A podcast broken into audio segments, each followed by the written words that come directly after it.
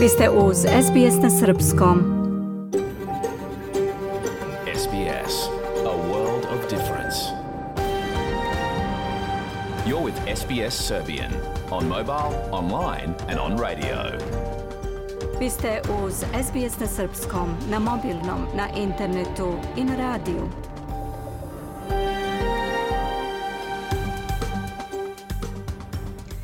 SBS odaje priznanje tradicionalnim vlasnicima zemlje sa koje danas emitujemo program na srpskom. Ovim izražavamo poštovanje prema narodu Vurenđer i Vojvurung, pripadnicima nacije Kulin i njihovim prošlim i sadašnjim starešinama. Također odajemo priznanje tradicionalnim vlasnicima zemlje iza svih aboriđinskih naroda i naroda sa ostrava iz Toresovog Moreuza, sa čije zemlje slušate program. Dobar dan, danas je ponedeljak, 9. oktobar, 282. dan 2023. Do kraja godine 83 dana. Ja sam Biljana Ristić, a u današnjem programu niz aktualnih tema. Posle pregleda vesti je opširan sportski izveštaj. U toku je sastanak Savjeta bezbednosti Ujedinjenih nacija iza zatvorenih vrata posvećen situaciji u Izraelu, o kojoj ćemo reći više tokom programa. Također donosimo detalje o dobitnicima Nobelove nagrade za mir i književnost – Kampanje za referendum o glasu autohtonih naroda pri parlamentu ulaze u poslednju nedelju. Najnovija istraživanja javnog mnjenja pokazuju da glas protiv i dalje ima prednost. Mija Nikolić javlja se iza Srbije i reći će o rebalansu budžeta. Hranislav Nikolić razgovarao sa Tijanom Parezanović, profesorkom australijske književnosti na Alfa BK Univerzitetu u Beogradu. Ostanite sa nama do 16 časova. Sledi pregled vesti.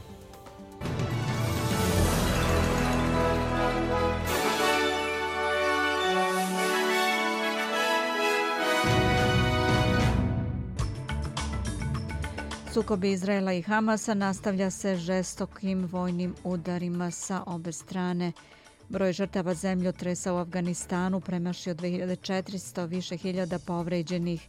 Stoltenberg, NATO spreman da održi mir na Kosovu, Beograd i Priština da se vrate dijalogu.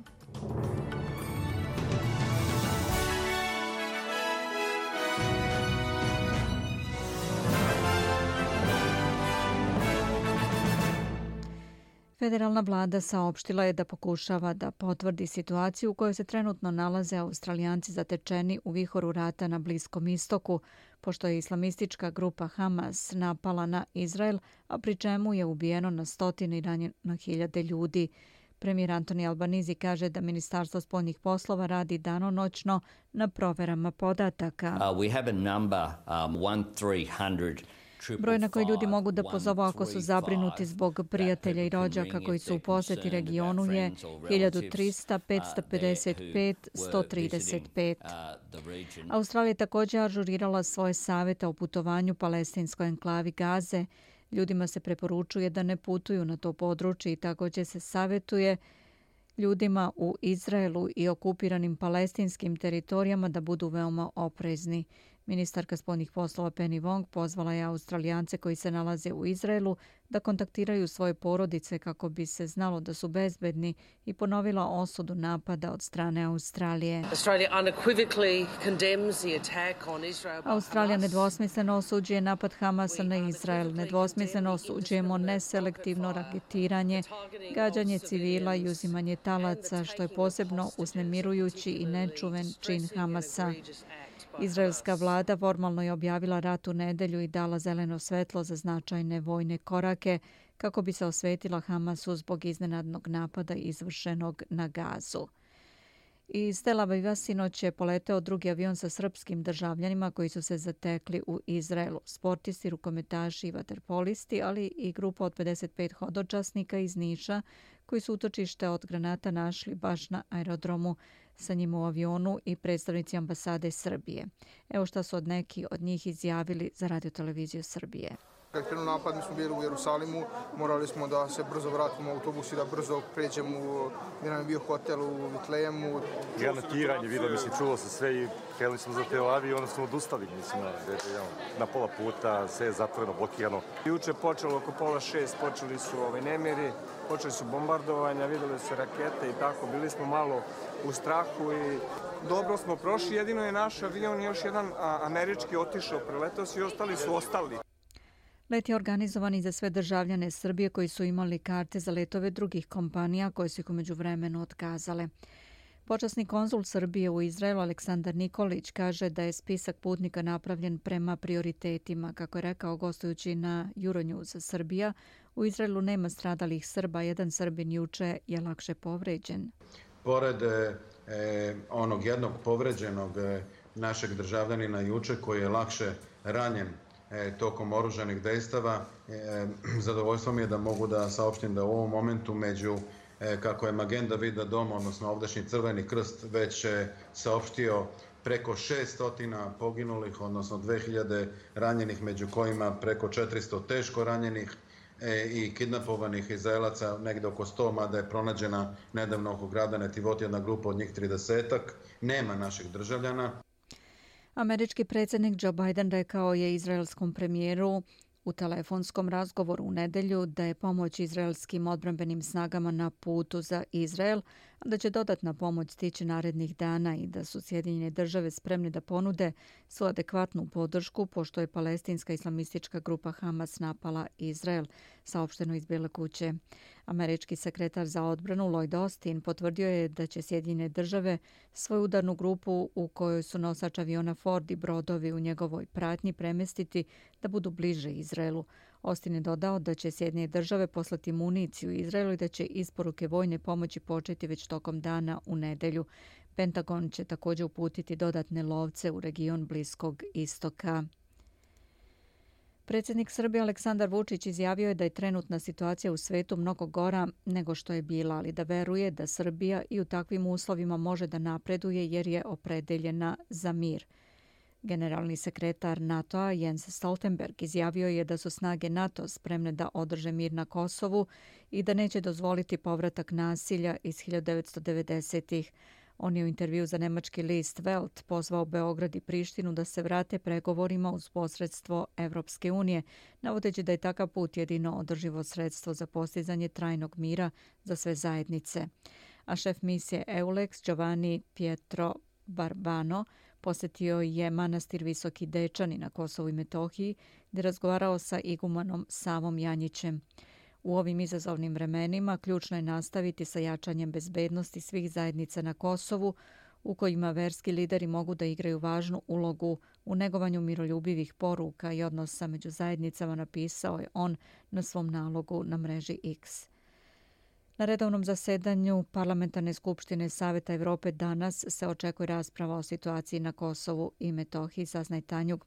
Na sednici koja će biti održana posle 16 časova po evropskom vremenu, trebalo bi da se raspravlja i o situaciji u Izraelu i na Gorno Karabahu. Broj žrtava razornih zemljotresa koji su u subotu pogodili zapadni Afganistan premašio je 2400. Portparol Afganistanskog ministarstva za katastrofe Džanan Saik naveo je u poruci upućenog Reutersu da je poginulo 2445 osoba, da je povređeno više od 2000. On je ranije rekao da je 9240 osoba povređeno u zemljotresu. Nekoliko snažnih zemljotresa pogodilo je Afganistan tokom jučerašnjeg dana. Najjači je u epicentru iznosio 6,3 stepeni. Najmanje šest cela je uništeno, a na stotine civila je zatrpano u ruševinama. Arshad Malik, direktor nevladine organizacije Save the Children u Afganistanu, kaže da nedostaju najvažnije životne namirnice i usluge i da je ovo izuzetno težak udarac za populaciju zemlje. Japanski arhipelag Izu je pogodio zemljotres jačine 4,9 stepeni. Zvaničnici su odmah izdali upozorenje na tsunami, čiji su talasi visoki oko 60 cm već stigli do nekih ostrava. Epicentar potresa bio je na ostrvu Torishima, oko 580 km južno od Tokija. 15 časova 9 i po minuta je slušate pregled vesti na srpskom. Više od 2 miliona australijanaca je već glasalo na referendumu o glasu autohtonih naroda pri parlamentu.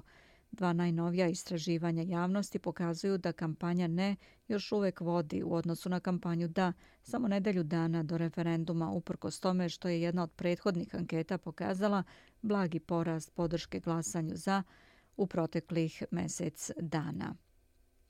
Australijska federalna policija saopštila je da je osujetila međunarodnu operaciju rasturanja droge u jednom kargo avionu koji je iz Južne Afrike stigao na aerodromu u Sidneju i to nakon jednogodišnje istrage.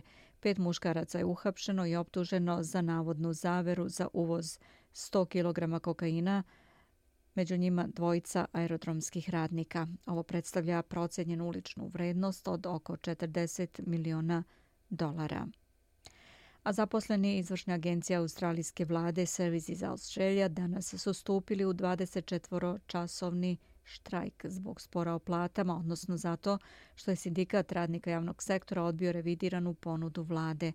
Klijenti su ipak obavešteni putem objave na društvenoj mreži X da štrajk neće uticati na njihove isplate. Također im je upućena molba da koriste internet ili samo uslužne terminale u slučaju hitnih potreba.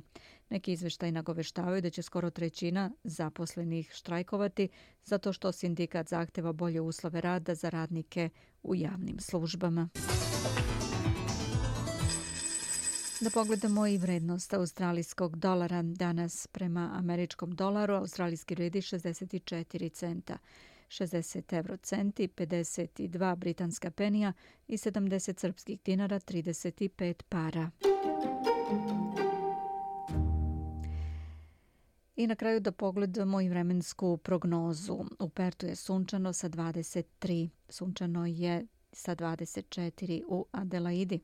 Melbourne također sunčano popodne 16 stepeni, u Hobartu oblačno 15, Canberra sunčano 22. Sunčano je i u Sidneju sa 25, u Brisbaneu oblačno 24, u Darwinu sunčano 31. Beograd danas tokom dana sunčano do 23 stepena. Odmah posle pregleda vesti sledi sportski izveštaj. Slušali ste preko 200 na srpskom. Ja sam Biljana Ristić. Za sve najnovije vesti posjetite sbs.com.au kozacrta news.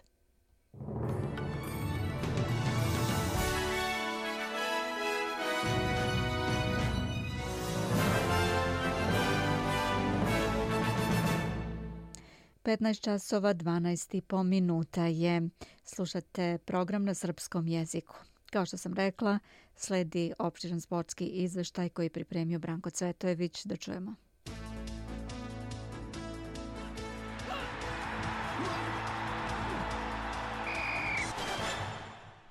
Holandjanin Max Verstappen ponovo je odbranio šampionsku titulu u Formuli 1.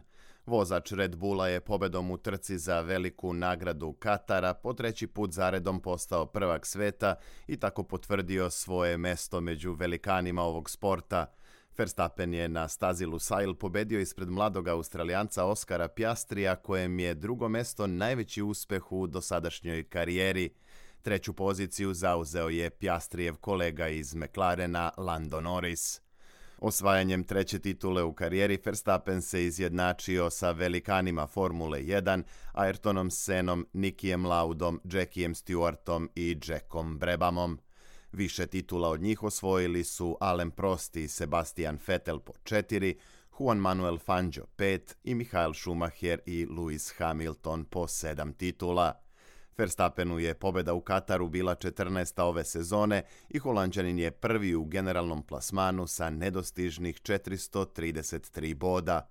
Drugo mesto zauzima Sergio Perez, a treći je Lewis Hamilton koji nije završio trku u Kataru pošto se već u prvom krugu sudario sa kolegom iz Mercedesa Georgeom Russellom.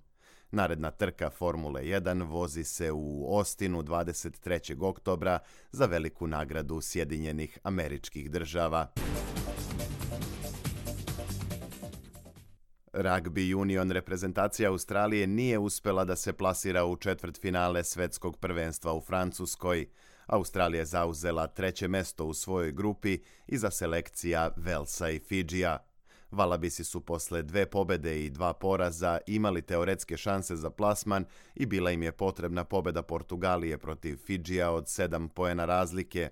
Portugalci su uspeli da zabeleže svoju prvu istorijsku pobedu na svetskim prvenstvima, ali njihov trijumf od 24-23 nije bio dovoljan da Australija pretekne Fidži na drugom mestu na tabeli. U četvrtfinalu svetskog prvenstva sastaće se Vels Argentina, Republika Irska Novi Zeland, Engleska Fidži i Francuska Južna Afrika. Ovih osam timova su uz Italiju, Japan, Škotsku i Australiju kao domaćina obezbedili plasman na naredni šampionat sveta.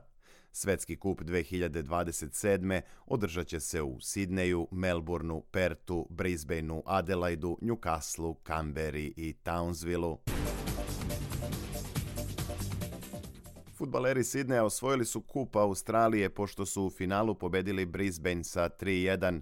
Gosti su poveli preko mladog Vadingema u 18. minutu, ali su u drugom poluvremenu preokret režirali dvostruki strelac Fabio Gomez i Robert Mack. Ekipi Sidneja ovo je drugi pehar kupa Australije, a prvi posle 2017 a futbaleri Crvene zvezde savladali su radnički u Kragujevcu sa 4-3 u utakmici 11. kola Superlige Srbije.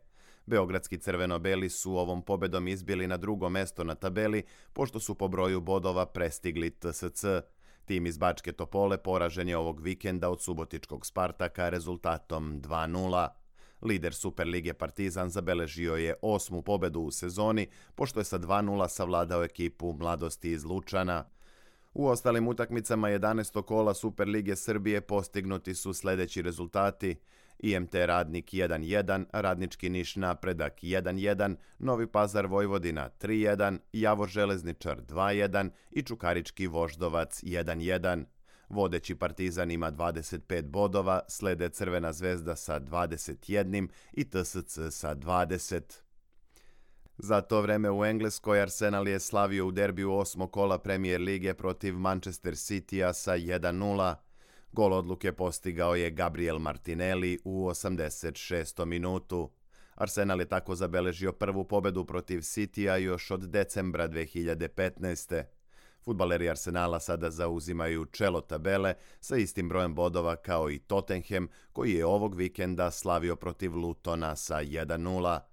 Četvrtoplasirani Liverpool odigrao je nerešeno 2-2 sa Brightonom, dok je Manchester United posle nekoliko loših rezultata savladao Brentford sa 2-1. A futbaleri Girone priredili su još jedno iznenađenje pošto su utakmici devetog kola španskog prvenstva odigrali nerešeno 2-2 protiv Barcelone. Girona je tako zadržala drugo mesto na tabeli sa dva boda manje od vodećeg Real Madrida, koji u subotu savladao Sasunu sa 4-0. Barcelona je treća sa tri boda manje od Reala i jednim bodom za ostatka za Gironom. A ekipa Milana novi je lider italijanske serije A pošto je u osmom kolu kao gost savladala Genovu sa 1-0.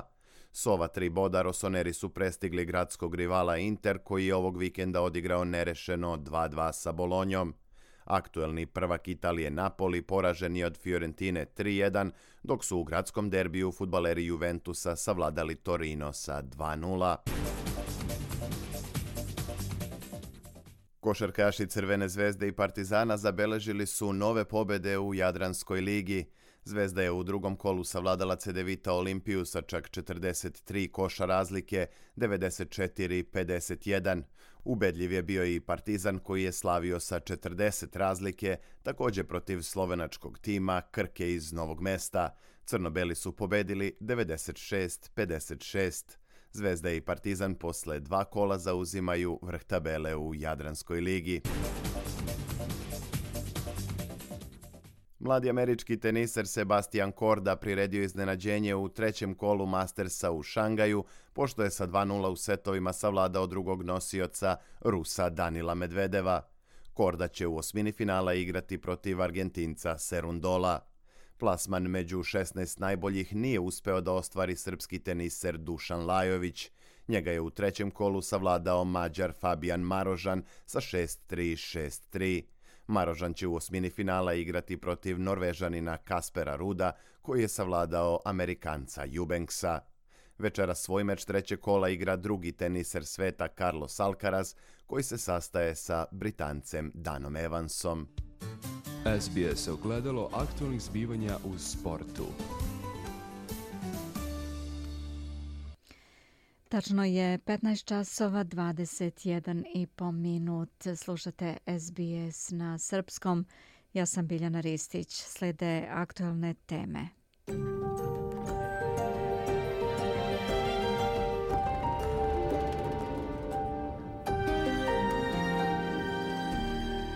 U Izraelu su nastavljeni masovni udari sa obe strane. Izraelske snage granatirale su grad Gazu i palestinsku teritoriju pod kontrolom Hamasa, dok su na udaru Hamasa bili južni centralni delovi Izraela. Izrael saopštava da je do sada poginulo oko 700 civila, dok ih je u bolnicama više od 2000. Palestinski zvaničnici sa druge strane navode da je poginulo više od 400 palestinaca, ranjeno gotovo 2300 ljudi sazvana je hitna sednica Saveta bezbednosti Ujedinjenih nacija. The Wall Street Journal je objavio da je Iran navodno pomogao Hamasu da isplanira iznenadni napad na Izrael. Prema izveštaju, Iranci su Hamasu dali ovlašćenje da izvrši ofanzivu na sastanku koji je održan u Bejrutu u Libanu prošlog ponedeljka. Izraelska vlada formalno je objavila rat u nedelju i dala zeleno svetlo za značajne vojne korake kako bi se osvetila Hamasu zbog iznenadnog napada izvršenog iz Gaze. Citizens of Israel, we are at war. Građani Izraela mi smo u ratu, ne u operaciji ili u borbenom ciklusu, već u ratu. Jutro je Hamas pokrenuo ubilački iznenadni napad na državu Izrael i njene građane. Sazvao sam šefove bezbednostnih institucija i naredio pre svega da se očiste zajednice u koje su se infiltrirali teroristi, rekao je tada izraelski premijer Benjamin Netanyahu. Ambasador Izraela pri Ujedinjenim nacijama Gilad Erdan optužuje Hamas da je počinio ratne zločine i poručio da je vreme da se uništi teroristička infrastruktura te palestinske militantne grupe, kako je rekao. On je napad uporedio sa onim što se u Njujorku desilo pre 22 godine. This is Israel's 9-11. Ovo je izraelski 9-11 i Izrael će učiniti sve da vrati naše sinove i kćeri kući. Ove slike su užasavajući, rekao je Erdan novinarima u oči sednice Saveta bezbednosti Ujedinjenih nacija koja je u toku iza zatvorenih vrata. Sjedinjene države su pre početka zasedanja zahtevale od svih 15 članica da osude gnusne terorističke napade koje je počinio Hamas. Američki predsjednik Joe Biden izrazio je čvrstu i nepokolebljivu podršku američkom savezniku i upozorio bilo koju drugu stranu neprijateljsku Izraelu koja bi tražila šansu u ovoj situaciji. Kineski ambasador u Ujedinjenim nacijama Zhang Jun istakao je da Peking osuđuje sve napade na civile i da je važno da se čuje glas Saveta bezbednosti koji je zadužen za održavanje međunarodnog mira i bezbednosti. Sednica iza zatvorenih vrata neće doneti zvaničnu rezoluciju, prenosi Times of Israel. Na terenu visoki zvaničnik Hamasa Musa Abu Marzuk tvrdi da ta militantna grupa drži više od stotinu izraelskih talaca, uključujući visoke vojne zvaničnike, navodi se u izveštaju palestinske novinske kuće El Hadat, prenosi Times of Israel. Umeđu vremenu, roditelji Izraelaca koje je oteo Hamas održali su konferenciju za štampu i zamolili za sastanak sa vladom kako bi pomogli u pronalaženju njihove dece. Hamas tvrdi da je gađao aerodrom Ben Gurion i da je ispalio stotinu raketa na grad Ashkelon. Times of Israel javlja da je u tom gradu oštećena jedna kuća i da je povređeno dete. Također, Hamas tvrdi da ne cilja civile. Govoreći uče na televiziji Al Jazeera, Osama Hamdan, port parol Hamasa, kaže da se doseljenici ne kvalifikuju kao civili i da se moraju posmatrati drugačije. You have to differentiate between the settlers and the civilians. The settlers, according to the international law, they are Morate da pravite razliku između naseljenika i civila. Naseljenici prema međunarodnom pravu nisu civili. Oni napadaju palestince, oni u stvari pucaju na palestince, rekao je on. Premijer Australije komentarisao je sukob za ABC. Well, this is an abhorrent attack on Israel. Ovo je odvratan napad na Izrael, ovo je neselektivno, civili su gađani i ubijani, a također i mnogi od njih uzimani kao taoci. Ovo je užasna okolnost koju se verovatno mnogi nisu nadali da će videti i ničim nije bilo nagoveštavano da će se desiti tako nešto. Šokantan napad, rekao je on. Lider opozicije Peter Dutton pozvao je federalnu vladu da pruži informacije o merama koje se preduzimaju za zaštitu jevrejske zajednice u Australiji. Zahtev je usledio nakon što je i nekoliko evropskih zemalja povećalo policijsku zaštitu jevrejskih zajednica u strahu od porasta antisemitskih akcija tokom sukoba između Izraela i Hamasa. Dutton kaže da Australija mora da bude spremna. It's obvious that in our country we need to be very careful of the threat Očigledno je da u našoj zemlji treba budemo veoma oprezni kada su u pitanju pretnje sa kojima se suočavaju ljudi iz jevrejske zajednice ovde u Australiji.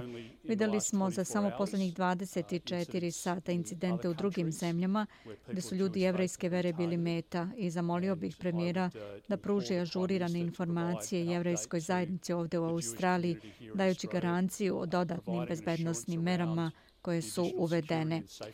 Gospodin Dutton također tvrdi da Australija mora biti spremna da postane vojni saveznik. Uh,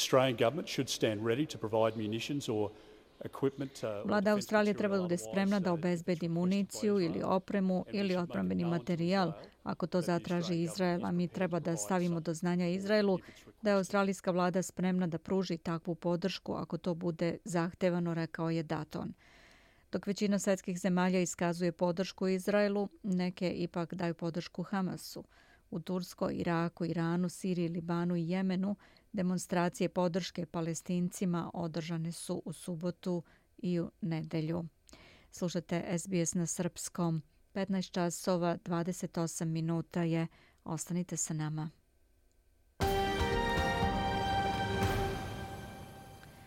U nastavku dodali Nobelovih nagrada. Nobelova nagrada za mir 2023. dodeljena je gospođi Nagres Mohamedi, iranskoj aktivistkinji za ljudska prava koja je u zatvoru. Dodeljujući joj nagradu, Nobelov komitet je saopštio da je za hrabru borbu podnela ogromnu ličnu cenu kao aktivistkinja organizacije Žene život sloboda. San Sendegi Azadi women, life, freedom. The Norwegian Nobel Committee has decided to award the Nobel Peace Prize for 2023 to Narges Mohammadi Berit Reis Andersen, šefica Norveškog Nobelovog komiteta u Oslu, saopštila je tu vest. Her brave struggle has come with tremendous personal cost. Altogether, the regime has arrested her 13 times. Sveukupno režim ju je uhapsio 13 puta, osudio 5 puta i izrekao ukupno 31 godinu zatvora, rekla je Berit Reis Andersen, šefica Norveškog Nobelovog komiteta u Oslu. Dok ja ovo govorim, Narges Mohamedi je i dalje u zatvoru, dodala je ona. Narges Mohamedi je iranska aktivistkinja i zamjenica predsjednika Iranskog centra branilaca ljudskih prava, koji je osnovala također dobitnica Nobelove nagrade Shirin Ebadi. Mohamedijevo je izrečeno nekoliko zatvorskih kazni od 2011. i trenutno je u ozloglašenom zatvoru Evin u Teheranu zbog širenja propagande, kako je objašnjeno. Norveški Nobelov komitet kaže i da se nada da će iranske vlasti pustiti gospođu Mohamedi iz zatvora kako bi mogla da prisustuje ceremoniji dodele nagrade u decembru. Nadamo se da će iranske vlasti doneti ispravnu odluku i osloboditi kako bi mogla da bude prisutna da primi nagradu, rekla je Berit Rice Andersen. Narges Mohamed je dobila Nobelovu nagradu za mir za njene akcije protiv iranske nacionalne bezbednosti, navodi Iranska novinska agencija. Ova 51-godišnjakinja je dobila nagradu od zapadnjaka, javila je novinska agencija Fars. Pred svoje posljednje hapšenje, gospođa Mohamedi poslala je video poruku organizaciji Amnesty International.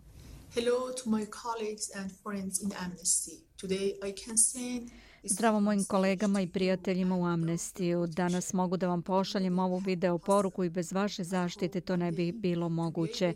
Nadam se da ću jednog dana moći da vam kažem da su pogubljenja prestala u Iranu i da su žene u mojoj zemlji dobile svoja prava i da imamo bolju situaciju sa ljudskim pravima u Iranu. Moj cilj je postizanje mira i ljudskih prava. Odlučna sam da pokušam više nego ranije. Sigurna sam u naše napore i strajnost i stoga ćemo pobediti, rekla je ona. Njen suprug, politički aktivista Tagi Rahmani, živi u egzilu u Parizu sa njihovo dvoje dece. Oni se nisu videli godinama. Ova Nobelova nagrada za mir otvorit će vrata za agresivnu motivaciju u borbi za ljudska prava, učinit će neustrašivom, ali što je najvažnije, ova nagrada se dodeljuje pokretu Mahse Aminija, žene život sloboda. Nagres je samo jedna od lica ovog pokreta koji dobija nagradu. Ova nagrada zapravo pripada narodu Irana, posebno onima koji se bore za ljudska prava i svima koji rade za demokratiju i građanske pokrete u Iranu, rekao je on. Uprkos tome što je u zatvoru, Mohamedi nije učutkana. Prošle godine je u pismu iz zatvora Evin opisala kako vlasti zatvaraju žene tokom antivladinih protesta koji su tada zahvatili zemlju i da su seksualno i fizički zlostavljane. Mohamed je napisala i knjigu Bela tortura, intervju sa iranskim zatvorenicama, dokumentujući vlastita iskustva još 12 drugih zatvorenica u samicama. Gospodja Mohamed je 19. žena koja je osvojila nagradu staru 122 godine. Prethodno Nobelova nagrada za književnost je dodeljena Norvežaninu Junu Foseu, jednom od najpoznatijih i najpriznatijih svetskih dramaturga, čije se drame izvode na mnogim scenama u pozorištima u Evropi i svetu. Dobitnik je i mnogih međunarodnih nagrada. Švedska akademija u Stokholmu pohvala je njegove inovativne drame i prozu i što je u delima izložio ljudsku anksioznost. Prema obrazloženju, Fosova dela daju glas onima kojima je obično uskraćeno pravo da govore. Danas će biti dodeljena Nobelova nagrada za ekonomiju i time će biti završena dodela ovogodišnjih Nobelovih nagrada, piše Esam Al-Galib za SBS News. Slušate SBS na srpskom. Ja sam Biljana Ristić. Nastavljamo sa aktuelnostima. Predstojeće subote, 14. oktobra, u Australiji se održava referendum o glasu autohtonih naroda pri parlamentu. Kampanja je ušla u posljednju nedelju, a najnovija istraživanja javnog mnjenja pokazuju da glas protiv i dalje ima prednost. Opširnije u sljedećem prilogu. U Australiji se u subotu 14. oktobra održava prvi referendum još od 1999. godine. Svi punoletni državljani Australije imaće priliku da se izjasne da li su za ili protiv izmene ustava kojom bi se priznali prvi narodi Australije kroz uspostavljanje savetodavnog tela, glasa Boriđina i stanovnika ostrva iz Toresovog Moreuza pri parlamentu. Pet Kalanan iz Australijske izborne komisije kaže da referendum koji je već počeo ranim glasanjem predstavlja veliki poduhvat za naciju. It is actually the biggest peacetime logistical event in Australia, so it's absolutely massive. Kalanan kaže da je ovaj referendum najveći mirnodopski logistički događaj u Australiji. On podsjeća da je način funkcionisanja plebiscita veoma sličan saveznim izborima koji se održavaju svake tri godine. Kao i na izborima, na referendumu je omogućeno glasanje i stanovništvu u udaljenim delovima zemlje, što ceo proces čini složenim i sveobuhvatnim, a predstavnici izborne komisije koriste čak i čamce, lake avione i helikoptere kako bi stigli do svih birača. Iako će prebrojavanje glasova početi čim se u subotu uveče zatvore glasačka mesta, Kalanan kaže da je vrlo moguće da se rezultati neće znati iste večeri. Razlog za to je što se milioni i dvesto hiljada ljudi prijavilo da glasa putem pošte i izborna komisija je u obavezi da po zakonu čeka 13 dana da svi glasovi pristignu u centar za prebrojavanje. Drugim rečima, moguće je da će konačni rezultati zavisiti upravo od glasova prispelih poštom. A da bi referendum uspeo, potrebna je dvostruka većina. Drugim rečima, neophodno je da ukupan broj glasova za bude veći od 50%, ali i da se većina od šest australijskih država takođe izjasni za. Profesorka Ann Tumi sa Univerziteta u Sidneju kaže da čak i ako glas prođe ovaj test dvostruke većine, mogu proći godine dok on ne postane stvarnost. This might take a while. It could take a year, it could take longer. Moglo bi da potraje godinu dana, možda i duže, kaže Tumi, ali dodaje da sadašnja vlada Antoni Albaneza verovatno želi da sve uradi tokom ovog mandata kako bi bila sigurna da će projekat biti završen. Ona podsjeća da je u prošlosti osnivanje značajnih tela poput Vrhovnog suda Australije trajalo nekoliko godina od trenutka kada su uneti u Ustav. Pet Kalanan iz izborne komisije kaže i da milioni Australijanaca nikada ranije nisu glasali na referendumu, što je i dovelo do postavljanja mnogih pitanja o samom procesu.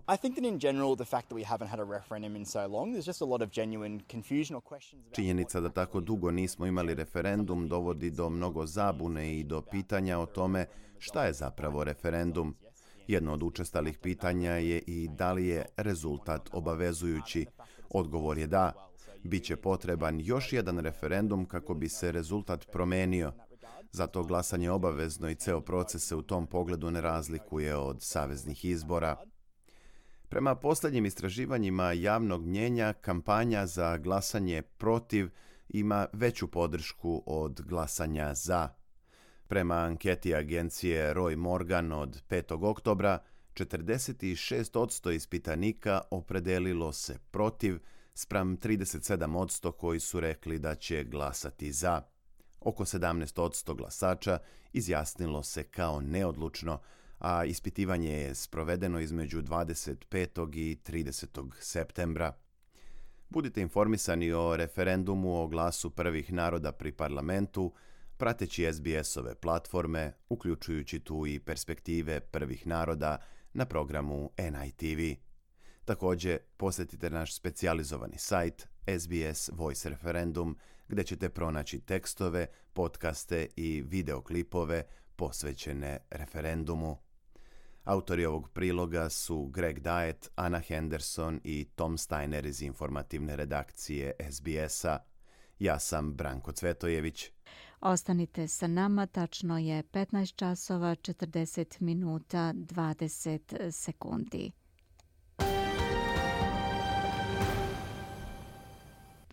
Slušate SBS na srpskom. Ja sam Biljana Ristić. U Srbiji Narodna skupština je usvojila rebalans budžeta za 2023. Kako je prepakovana republička kasa i šta sve fiskalni savjet ocenjuje kao neobrazloženo i štetno u tom preoblikovanom rebalansu, pitamo našu saradnicu Miju Nikolić. Mija, dobar dan.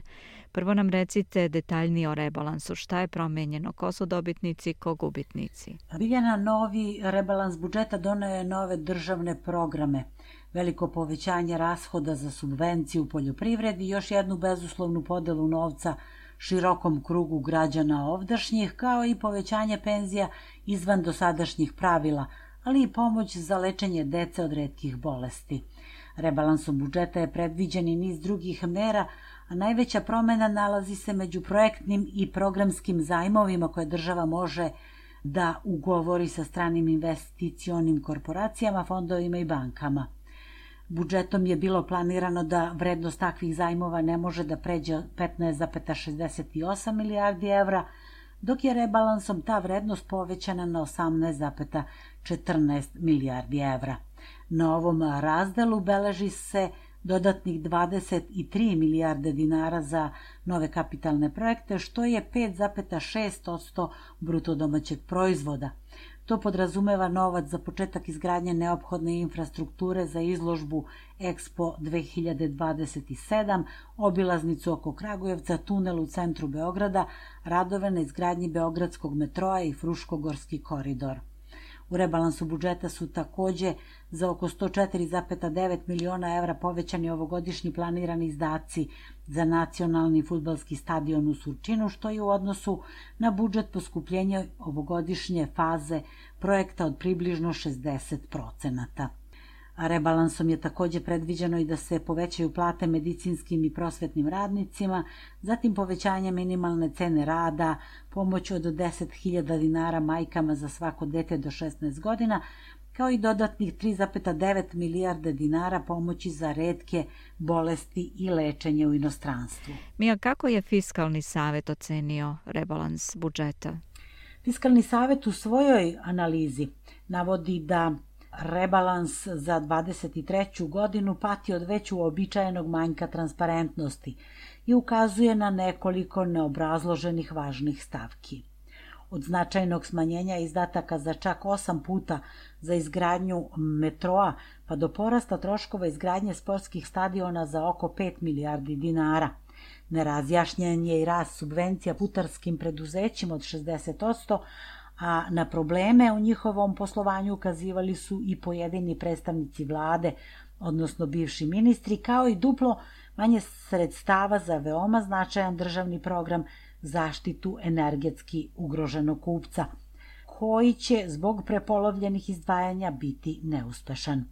Prema oceni Fiskalnog saveta, ovaj rebalans budžeta donosi više ekonomski loših i upitnih promjena. Jedna od Osnovnih zamerki je to što nije iskorišćena dobra prilika da se fiskalni deficit smanji na ispod 1,5% bruto domaćeg proizvoda, čime bi se znatno smanjilo zaduživanje zemlje i javne financije uvele u mirnije vode. Uz to veliki i dodatni problem s novim rashodnim merama ovog rebalansa je što one nisu ekonomski efikasne i socijalno opravdane, pa ne pružaju dobar odgovor na izazove kroz koje trenutno prolazi domaća ekonomija, te su nesvrsishodne, navodi se u analizi. Fiskalni savjet napominje da je e, jedina značajnija stavka koja je rebalansom umanjena i to za preko 40 milijardi dinara naplata PDV-a i to zbog niske naplate tog poreza od početka 2023. što pokazuje da Porezka administracija Srbije ove godine nije uspela da naplati isti iznos PDV prihoda kao u prethodnih nekoliko godina.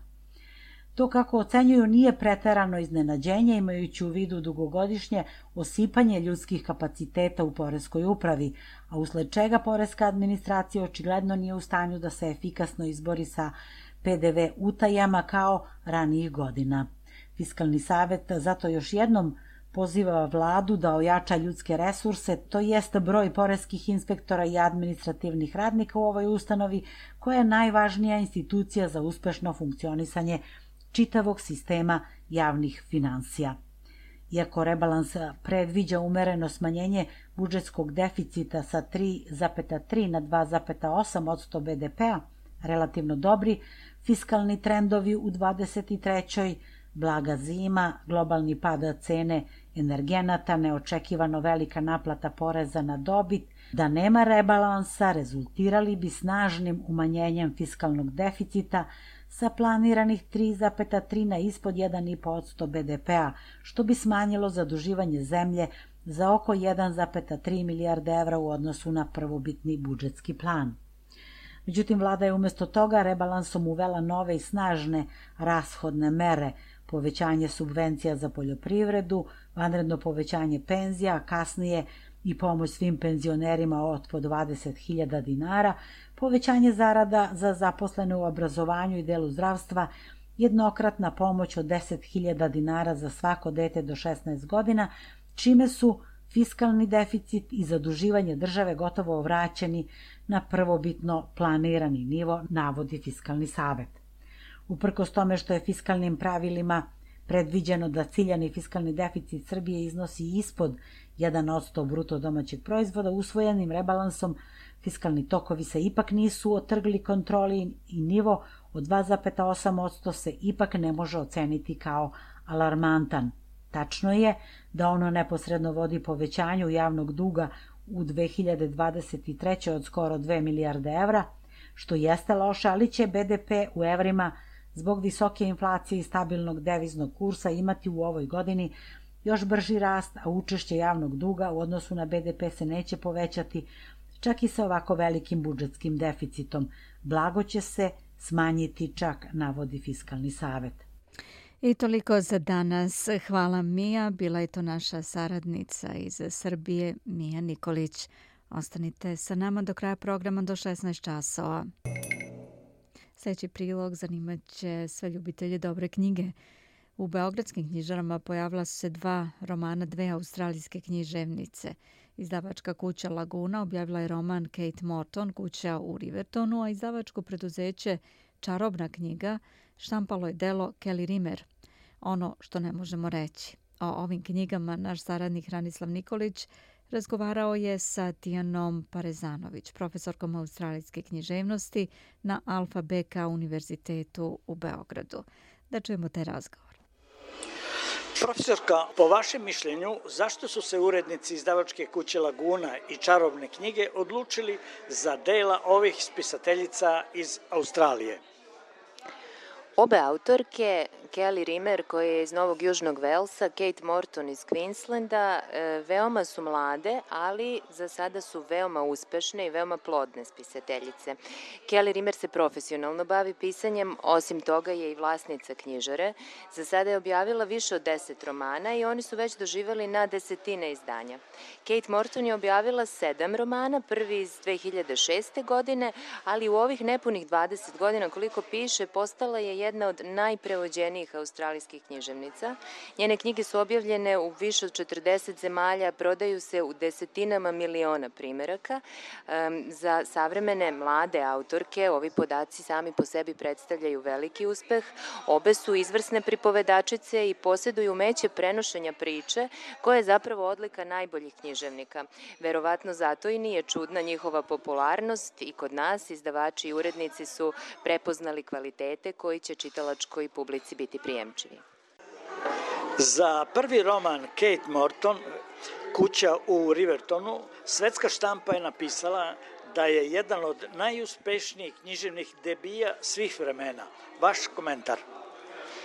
Kada je objavljen ovaj roman Kuća u Rivertonu, dospeo je na listu bestsellera New York Timesa, Sunday Timesa, što su referentne liste za ljubitelje knjiga. Proglašen je u Australiji za knjigu godine, a osvojio još nekoliko nagrada za najbolju knjigu na međunarodnom tržištu kao i u Engleskoj i u Americi. Kao što smo već pomenuli, roman je prodat u milionima primeraka i smatram da je ogromna popularnost romana sasvim opravdana. on sadrži kompleksnu priču koja je smeštena u 20. godine 20. veka i odvija se u jednoj aristokratskoj kući unutrašnjosti Engleske. Uticaj događaja iz tog perioda osjećaju se međutim i u sadašnjosti ličnosti koju oblikuju romantični i porodični odnosi, odluke donete iz ljubavi ili iz nerazumevanja i posledice tih odluka. Iako ovo može zvučati previše obično i svakodnevno, možda i banalno, priča nas takođe vodi kroz život jednog imaginarnog umetnika i oslikava odjek njegovog života na savremenu umetnost. To svakako doprinosi literarnoj vrednosti ovog romana. Sa pripovedačke strane, čitalac se sve vreme osjeća kao deo radnje. Iako od početka čitalac zna da će se dogoditi dogoditi nešto strašno, da ne otkrivemo šta. Kate Morton mu ne dozvoljava da do samog kraja sazna šta je to zapravo, a ovaj postupak koji književnica primenjuje je prilično zahtevan, ali i zaslužan za uključivanje čitaoca u priču, koju onda može da prati e, kao da je gotovo jedan od likova. Od sedam romana Kate Morton, Laguna je objavila šest. Šta mislite, zašto ovdašnja čitalačka publika očigledno voli njena dela? Vi ste donekle to malo govorili, ali ipak još kažite nešto. Da, eto, iako je, iako je Kuća u Rivertonu bila prvi roman Kate Morton, njeni kasniji romani su zapravo ranije došli do srpskih čitalaca i mislim ja da sam već odgovorila na to pitanje.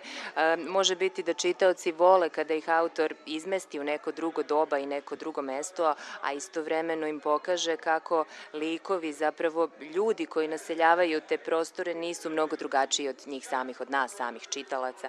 I književnost nas povezuje na više nivoa i na više više načina i u svakom je slučaju lepo znati da se književnost aktivno prevodi, objavljuje i pre svega čita. Druga autorka, Kelly Rimmer, je našim čitaocima manje poznata, iako je do sada objavila 15 romana koji su prevedeni na 12 jezika i prodati, kako ste već rekli, u više od 2 miliona primjeraka. U čemu je, po vašem mišljenju, privlačnost njenih dela? Roman, ono što ne možemo reći, rekli ste već, objavila je izdavačka kuća Čarobna knjiga ove godine, ali postoji još jedan roman, Kelly Rimer koji je kod nas preveden 2017. i objavljen u izdanju Vulkan izdavaštva. Radi se o knjizi Tako je bilo suđeno. Dakle, Kelly Rimer je već poznata našim čitaocima, iako ima prostora da se oni još dosta detaljnije upoznaju sa njenim romanima i mislim da će knjiga, ono što ne možemo reći tome, doprineti u velikoj meri. Kod međunarodne čitalačke publike ovaj roman je naišao veoma dobar prijem i na visoke ocene i slično kao i Kuća u Rivertonu autorke Kate Morton i ovaj roman Kelly Rimmer je delo istorijske fikcije, radnja se odvija na dve ravni u prošlosti i u sadašnjosti, a prošlost nas vodi u Poljsku pod nacističkom okupacijom. Sama ova tema je i danas za mnoge potresna i u svakom slučaju uopšteno je veoma bitna. Svakako je ta tema i često korišćena u književnosti, pa i u australijskoj književnosti gde se možemo osetiti globalnog uspeha romana Kraljevica knjiga Markusa Zusaka. E, međutim, čitaoci romana Kelly Rimmer često navode kako e, knjiga, ono što ne možemo reći, pruža novi i drugačiji osvrt na ovu temu i sama autorka naglašava da su i za pisanje, osim istraživanja istorije, ključni sanjarenje i maštanje, pa izgleda da je taj originalni, kreativni autorski doprinos istorijskoj temi ono što nas kao čitaoce privlači delima Kelly Rimer? Oktobra navršava se 50 godina od dodele Nobelove nagrade australijskom književniku Patriku Vajtu. Da li vi u ovom semestru vašim studentima pripremate posebno predavanje o australijskom Nobelovcu? Jedan deo nastave i razgovora sa studentima svakako ćemo posvetiti čuvenom australijskom Nobelovcu i pokušati da produbimo razumevanje njegove književnosti kod naših mladih studenta i da im približimo književnost Patrika Vajta koja onako laički rečeno nije ni malo laka. veliki broj njegovih romana kod nas nije još uvek preveden koliko mi je poznato iako spadaju verovatno u sam vrh svetske književnosti pa pokušat ćemo u nastavi da možda radimo nešto malo i na onim stvarima stvarima koje jesu prevedene na srpski jezik. osim toga, e, s obzirom na to da se ove godine navršava i 100 godina od smrti Catherine Mansfield, možda najpoznatije autorke sa Novog Zelanda, Zadovoljstvo mi je da najavim jedan prikladni okrugli sto koji će se tim povodom organizovati u Beogradu 9. oktobra, a sa učešćem desetak profesora književnosti i istraživača koji će govoriti o različitim aspektima stvaralaštva ove verovatno najpoznatije novozelandske autorke. Među učesnicima će biti i profesorka Nataša Kampmark koja se uključuje iz Melburna u razgovoru o dobroj književnosti. Hvala. Iz Beograda za SBS radio Hranislav Nikolić sve nestane Zar je ljubav samo reč koja nas spaja? Kaži da je ljubav u trenu nestala. Kako ne znaš da si ti? Sve što poželim kad zažmuri Baš see.